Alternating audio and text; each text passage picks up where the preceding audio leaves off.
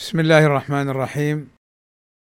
إن الحمد لله نحمده ونستعينه ونستغفره ونعوذ بالله من شرور أنفسنا ومن سيئات أعمالنا. من يهده الله فلا مضل له ومن يضلل فلا هادي له.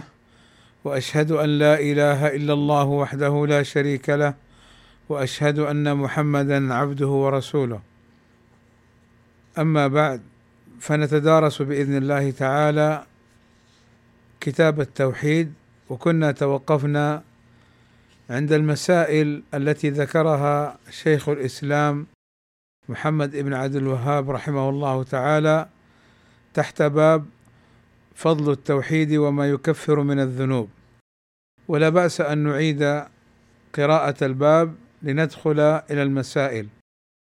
قال رحمه الله تعالى باب فضل التوحيد وما يكفر من الذنوب. وقول الله تعالى الذين آمنوا ولم يلبسوا إيمانهم بظلم.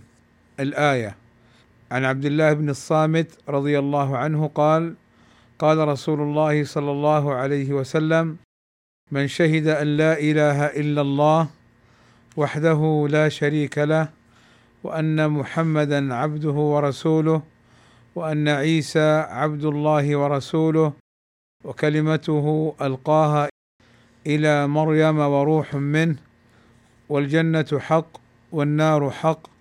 أدخله الله الجنة على ما كان من العمل أخرجاه. ولهما من حديث عتبان رضي الله عنه فإن الله حرم على النار من قال لا إله إلا الله يبتغي بذلك وجه الله. وعن أبي سعيد الخدري رضي الله عنه عن رسول الله صلى الله عليه وسلم قال قال موسى عليه السلام يا رب علمني شيئا أذكرك وأدعوك به. قال قل يا موسى لا إله إلا الله. قال يا رب كل عبادك يقولون هذا. قال يا موسى لو أن السماوات السبع وعامرهن غيري والارضين السبع في كفة ولا إله إلا الله في كفة مالت بهن لا إله إلا الله رواه ابن حبان والحاكم وصححه. وللترمذي وحسنه عن أنس رضي الله عنه قال سمعت رسول الله صلى الله عليه وسلم يقول قال الله تعالى يا ابن آدم لو أتيتني بقراب الأرض خطايا ثم لقيتني لا تشرك بي شيئا لأتيتك بقرابها مغفرة. فيه مسائل. المسألة الأولى قوله رحمه الله سعة فضل الله تعالى. وهذه المسألة مأخوذة من قوله صلى الله عليه وسلم أدخله الله الجنة على ما كان من العمل. أدخله الله الجنة على ما كان من العمل ففيه سعة فضل الله عز وجل ورحمته. لو أتى بالعمل الصالح مع تقصير أو أتى بالذنوب والخطايا ولكنه أتى بالتوحيد فإن الله عز وجل من سعة رحمته وفضله أن يغفر الذنوب وأن يجازي على العمل القليل بالجزاء الكثير. الثانية كثرة ثواب التوحيد عند الله عز وجل وذلك كما في قوله لأتيتك بقرابها مغفرة بعد قوله لو لقيتني لا تشرك بي شيئا وقوله لو أتيتني بقراب الأرض خطايا. فلو أذنب العبد الذنوب الكثيرة وأتى بالتوحيد لقابله الله عز وجل إن شاء بالمغفرة والرحمة والتجاوز. فدل هذا على كثرة ثواب التوحيد عند الله عز وجل. وهذا واضح جدا في هذا الحديث. وكذلك في حديث موسى على ضعفه قال مالت بهن لا إله إلا الله في الكفة التي تكون فيها لا إله إلا الله. قال الثالثة تكفيره مع ذلك للذنوب. يعني أن الله عز وجل يكفر ذنوب العبد إذا أتى بالتوحيد. فإذا أسرف الإنسان على نفسه ولكنه مات موحدا قد تشمله المغفرة ويغفر ما دون ذلك لمن يشاء. الرابعة تفسير الآية التي في سورة الأنعام وهي قوله عز وجل الذين آمنوا ولم يلبسوا إيمانهم بظلم. وهذا كما مر معنا في الحديث أن النبي صلى الله عليه وسلم فسر الظلم بالشرك. الخامسة تأمل الخمس اللواتي في حديث عبادة. والخمس اللواتي في حديث عبادة آه، هما الشهادتان شهادة أن لا إله إلا الله وأن محمدا رسول الله. والثالثة أن عيسى عبد الله ورسوله وكلمته ألقاها إلى مريم وروح منه. والرابعة الجنة حق والخامسة النار حق. المسألة السادسة أنك إذا جمعت بينه وبين حديث عتبان وما بعده تبين لك معنى قول لا إله إلا الله وتبين لك خطأ المغرورين أي الذين يظنون أن قول لا إله إلا الله بمجرد اللسان تنفع صاحبها وإن دعا غير الله أو ذبح لغير الله أو طاف بالقبور ونحو ذلك. فما جاء في حديث أبي سعيد وحديث عتبان وحديث أنس يدل على أنه لا بد في لا إله إلا الله من الإخلاص يبتغي بها وجه الله. وأيضا لا بد أن تحمل هذه الكلمة صاحبها على العمل الصالح. السابعة التنبيه للشرط الذي في حديث عتبان. وحديث عتبان هو الذي مر معنا فيما سبق ولهما في حديث عتبان فإن الله حرم على النار من قال لا إله إلا الله يبتغي بذلك وجه الله. فهذا هو الشرط. بلا إله إلا الله. فلا يقولها بمجرد اللسان مع خلو قلبه من معناها. وإلا فإن قول لا إله إلا الله باللسان مع إتيان القلب بخلافها أو بضدها فإنها لا تنفع صاحبها. قال الثامنة كون الأنبياء يحتاجون للتنبيه على فضل لا إله إلا الله. فإذا كان الأنبياء يحتاجون للتنبيه لذلك فغيرهم من باب أولى كما يقول الشيخ العثيمين رحمه الله تعالى. وهذا مأخوذ من حديث موسى لأن موسى لما قيل له قل لا إله إلا الله حين سأل الله عز وجل كلمة يعني تكون له عليه الصلاة والسلام. فلما قيل له ذلك قال يعني كل عبادك يا رب يقول ذلك. فبين له سبحانه أن لا إله إلا الله لو كانت في كفة ترجح على الكفة التي فيها السماوات السبع والأراضين السبع. طبعا هذا على فرض ثبوت الحديث وإلا في الحديث ضعيف. ولكن يؤخذ هذا أيضا من عموم قوله تعالى ولقد أوحي إليك وإلى الذين من قبلك لئن أشركت ليحبطن عملك. وقول إبراهيم عليه الصلاة والسلام وجنبني وبني أن نعبد الأصنام. فكما ستاتي أيضا فائدة أخرى قريبة من ذلك. المسألة التاسعة التنبيه لرجحانها. بجميع المخلوقات مع أن كثيرا ممن يقولها يخف ميزانه. التنبيه لرجحانها أي لرجحان لا إله إلا الله. بجميع المخلوقات أي السماوات السبع والأراضين السبع التي في الكفة فهي ترجح عليهم لا إله إلا الله. مع أن كثيرا ممن يقولها أي يقول لا إله إلا الله يخف ميزانه يعني هناك من يقول لا إله إلا الله لكنها لا تنفعه. لكنها لا تنفعه. لماذا لا تنفعه؟ هل لا إله إلا الله لا تثقل بالميزان؟ لا ولكن هو القائل نفسه قد يكون لم يبتغي بذلك وجه الله أو أتى بما يناقضها ويخالفها. العاشرة النص على أن الأراضين سبع كالسماوات وهذا في حديث موسى عليه الصلاة والسلام كما مر معنا. وأيضا جاء في السنة النبوية عن النبي صلى الله عليه وسلم قوله من اقتطع شبرا من الأرض طوقه يوم القيامة من سبع أراضين.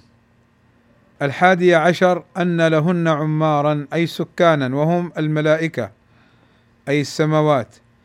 الثانية عشر إثبات الصفات خلافا للأشعرية يعني يبتغي بذلك وجه الله ففيه إثبات صفة الوجه خلافا للأشعرية وللمعطلة الذين يؤولون الصفات ويحرفونها. والأشعرية آه، يثبتون سبع صفات بطريق العقل لا النقل.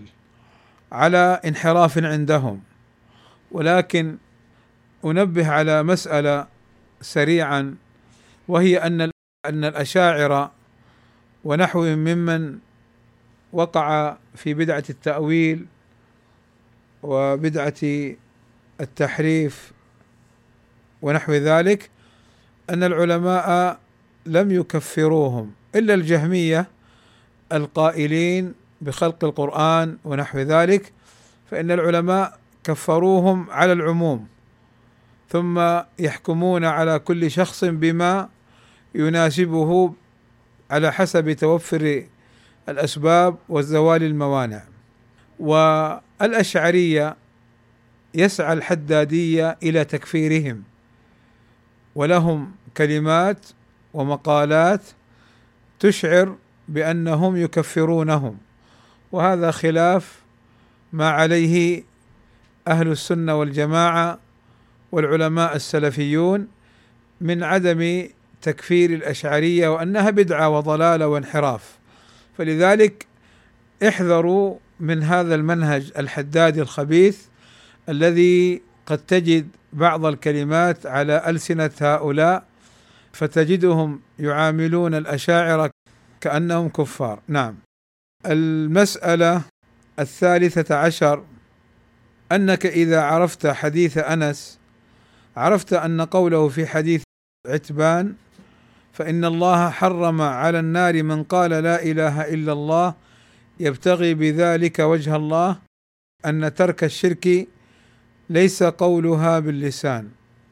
أنك إذا عرفت حديث أنس وحديث أنس هو الحديث القدسي. ثم لقيتني لا تشرك بي شيئا. لأتيتك بقرابها مغفرة. مع حديث عتبان حديث عتبان الذي مر معنا في قوله رحمه الله تعالى قول الإمام محمد بن عبد الوهاب ولهما في حديث عتبان فإن الله حرم على النار من قال لا إله إلا الله يبتغي بذلك وجه الله. فيقول الشيخ إذا عرفت حديث أنس عرفت أن قوله في حديث عتبان فإن الله حرم على النار من قال لا إله إلا الله يبتغي بذلك وجه الله أن ترك الشرك ليس قولها باللسان. يعني لابد أن يكون القلب معتقدا أن لا إله إلا الله لا معبود بحق إلا الله وكذلك لا بد أيضا العمل يكون لله وحده. قل إن صلاتي ونسكي ومحياي ومماتي لله رب العالمين.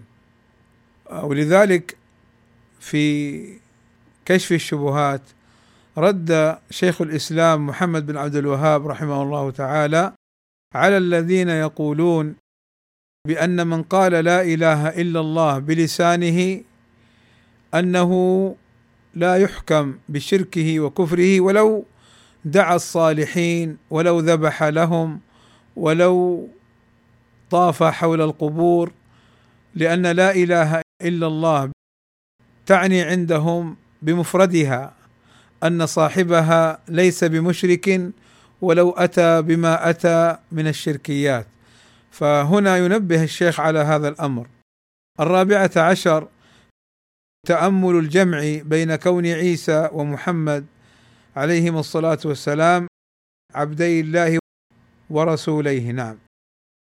يعني التأمل هذا في كون كل واحد منهما عبد لله ورسوله وفي كون كل واحد منهما أو جمع بين محمد عليه الصلاة والسلام عبد الله ورسوله وبين عيسى عليه الصلاة والسلام عبد الله ورسوله مما يدل على أن عيسى عليه الصلاة والسلام ليس كما تزعمه النصارى الها أو ابن الله أو نحو ذلك من الباطل الذي يزعمونه. الخامسة عشر معرفة اختصاص عيسى بكونه كلمة الله. معرفة اختصاص عيسى بكونه كلمة الله حين قال كن فيكون. فإن عيسى عليه الصلاة والسلام اختص بذلك كما أخبرنا الله بذلك وجعله آية لقومه أن خلقه الله عز وجل بكلمة من غير أب. وأما نبينا محمد صلى الله عليه وسلم وإبراهيم وموسى أو وغيرهم عليهم الصلاة والسلام فإنهم خلقوا من أب وأم. وهذا لعيسى عليه الصلاة والسلام تشريفا وتكريما. وكل الأنبياء قد شرفهم الله وكرمهم وخصهم بأمور قد لا تكون لغيرهم وغالبا ما تكون الخصيصه له لتكون آية عند قومه. غالبا. السادسة عشر معرفة كونه روحا منه. أي أن عيسى عليه الصلاة والسلام ابتداء خلقه عليه الصلاة والسلام من الله عز وجل أي بكلمة منه سبحانه وتعالى أو ابتداء خلقه من الله عز وجل. لا أنه كما تزعمه النصارى قاتلهم الله بأنه ابن الله أو بعض من الله. فعيسى بشر وعبد أوحي إليه عليه الصلاة والسلام. السابعة عشر معرفة فضل الإيمان بالجنة والنار.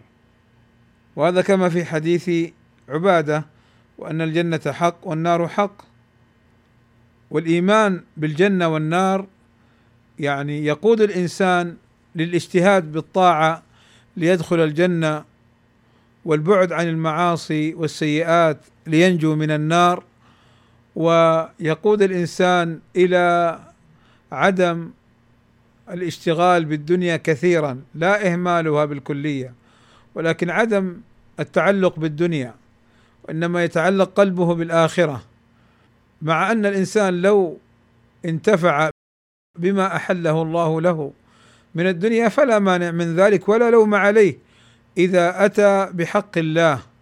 يعني بعض الناس قد يفهم من النصوص الشرعية الواردة في ذلك ذم الدنيا مطلقا وهذا خطأ وهذا خطأ. فإن الإنسان إذا أتى بالواجبات وترك المحرمات وأدى الحقوق وعنده من المال الحلال الشيء الكثير فانتفع به واستغله في الأمور المباحة مما ييسره الله له فلا مانع من ذلك ولا ذم عليه. وابن حجر رحمه الله تعالى نبه على أن كل شخص يكون استعماله للمال بحسبه يعني بحسب ما عنده من مال وحسب ما عنده من مكانة وهذا واضح. فننبه على هذا الأمر لأنه مهم جدا ومدخل للخوارج يلبسون به على العوام في ذم ولاة الأمور. فإذا شاف ولي الأمر عنده من السيارات وعنده من القصور وعنده من الأموال وعنده من يعني الأشياء التي يملكها الثمينة بدأ يؤلب العامة انظروا كيف يلهو ويلعب في الدنيا انظروا كيف يضيع الأموال. لا الأمير أو الوزير أو الحاكم الملك استعماله للمال بحسب يعني ما عنده من المال. ما ينفع أن يخرج الملك بسيارة يعني سيئة أو سيارة قديمة أو سيارة لا قيمة لها لها. إن فعل ما في شيء لكن الأساس أو مثل حاله يناسبه أن يشتري سيارة تكون بكذا وكذا من الأموال إما أن تكون يعني من باب الحماية له وإما أن تكون من باب يعني أن يترفه بما يملك. هذا لا لا يذم ما دام أنه يؤدي حقوق الله عز وجل. فكل يتعامل بالمال على حسبه ما دام أنه لا يضيعها نعم الإنسان الفقير الذي يشتري سيارة غالية جدا هذا يذم لأنه يشتري ما لا يتناسب مع حاله خاصة إذا كان عن طريق الدين وعن طريق أكل أموال الناس أو عن طريق الحرام. أما إنسان الله أنعم عليه وأعطاه من المال والجاه والمنزلة فاستعملها بحسب حاله هذا لا يلحقه الذم ولا اللوم فتنبهوا لذلك. معرفة فضل الإيمان بالجنة والنار، إذا لابد أن نؤمن أن الجنة والنار مخلوقتان موجودتان، وأن الجنة فيها درجات وفيها النعيم الذي يعني يسعى العبد للحصول عليه وأعلاه لذة النظر إلى الله عز وجل. أسأل الله أن يجعلنا جميعا من أهلها وممن ينظرون إلى الله عز وجل. والنار فيها درجات وحرها ولهيبها وقاعها شديد. إذا كان المسلم يعي ويتذكر ما في النار من عذاب وما فيها من يعني أنواع التعذيب لأهلها الذين يدخلونها يكون هذا الأمر مانع ووازع له عن أن يؤذي الناس أو أن يرتكب المعاصي أو أن يعصي الله عز وجل. الثامنة عشر معرفة قوله على ما كان من العمل. يعني على ما كان عليه العبد من العمل لو أتى بالذنوب غير الشرك فإن الله عز وجل من رحمته وفضله يقابلها بالمغفرة إن شاء. إن الله لا يغفر أن يشرك به ويغفر ما دون ذلك لمن يشاء. أو إذا كان العبد عنده عمل قليل ولكن عنده التوحيد فقد يقابله الله عز وجل بالدرجات العلى حسب يعني مشيئة الله عز وجل. قال التاسعة عشر معرفة أن الميزان له كفتان وهذا كما في حديث موسى إن ثبت. وإلا يدل على أن الميزان يوم القيامة له كفتان. حديث البطاقة حديث صاحب البطاقة الذي يؤتى به يوم القيامة فيقرر بعمله يعني السيء. ثم يقال له هل لك من حسنة ترجوها؟ فيقول لا يا رب فتأتي بطاقة مكتوب لا إله إلا الله فتطيش تلك الصحف وترجح لا إله إلا الله. المسألة العشرون معرفة ذكر الوجه يعني أن الوجه صفة لله عز وجل على ما يليق به ليس كمثله شيء. وقد جاء في الخبر ذكر الوجه فهو من الصفات الخبرية أي المنقولة السمعية. وهي أيضا صفة ذاتية أي في ذات الله عز وجل. فالوجه الوارد في الحديث فيه آه، إثبات هذه الصفة لله عز وجل على ما يليق بجلاله على ما يليق بجلاله سبحانه وتعالى فنؤمن به. وفي هذا القدر كفاية وصلى الله وسلم على نبينا محمد وعلى آله وصحبه وسلم أجمعين.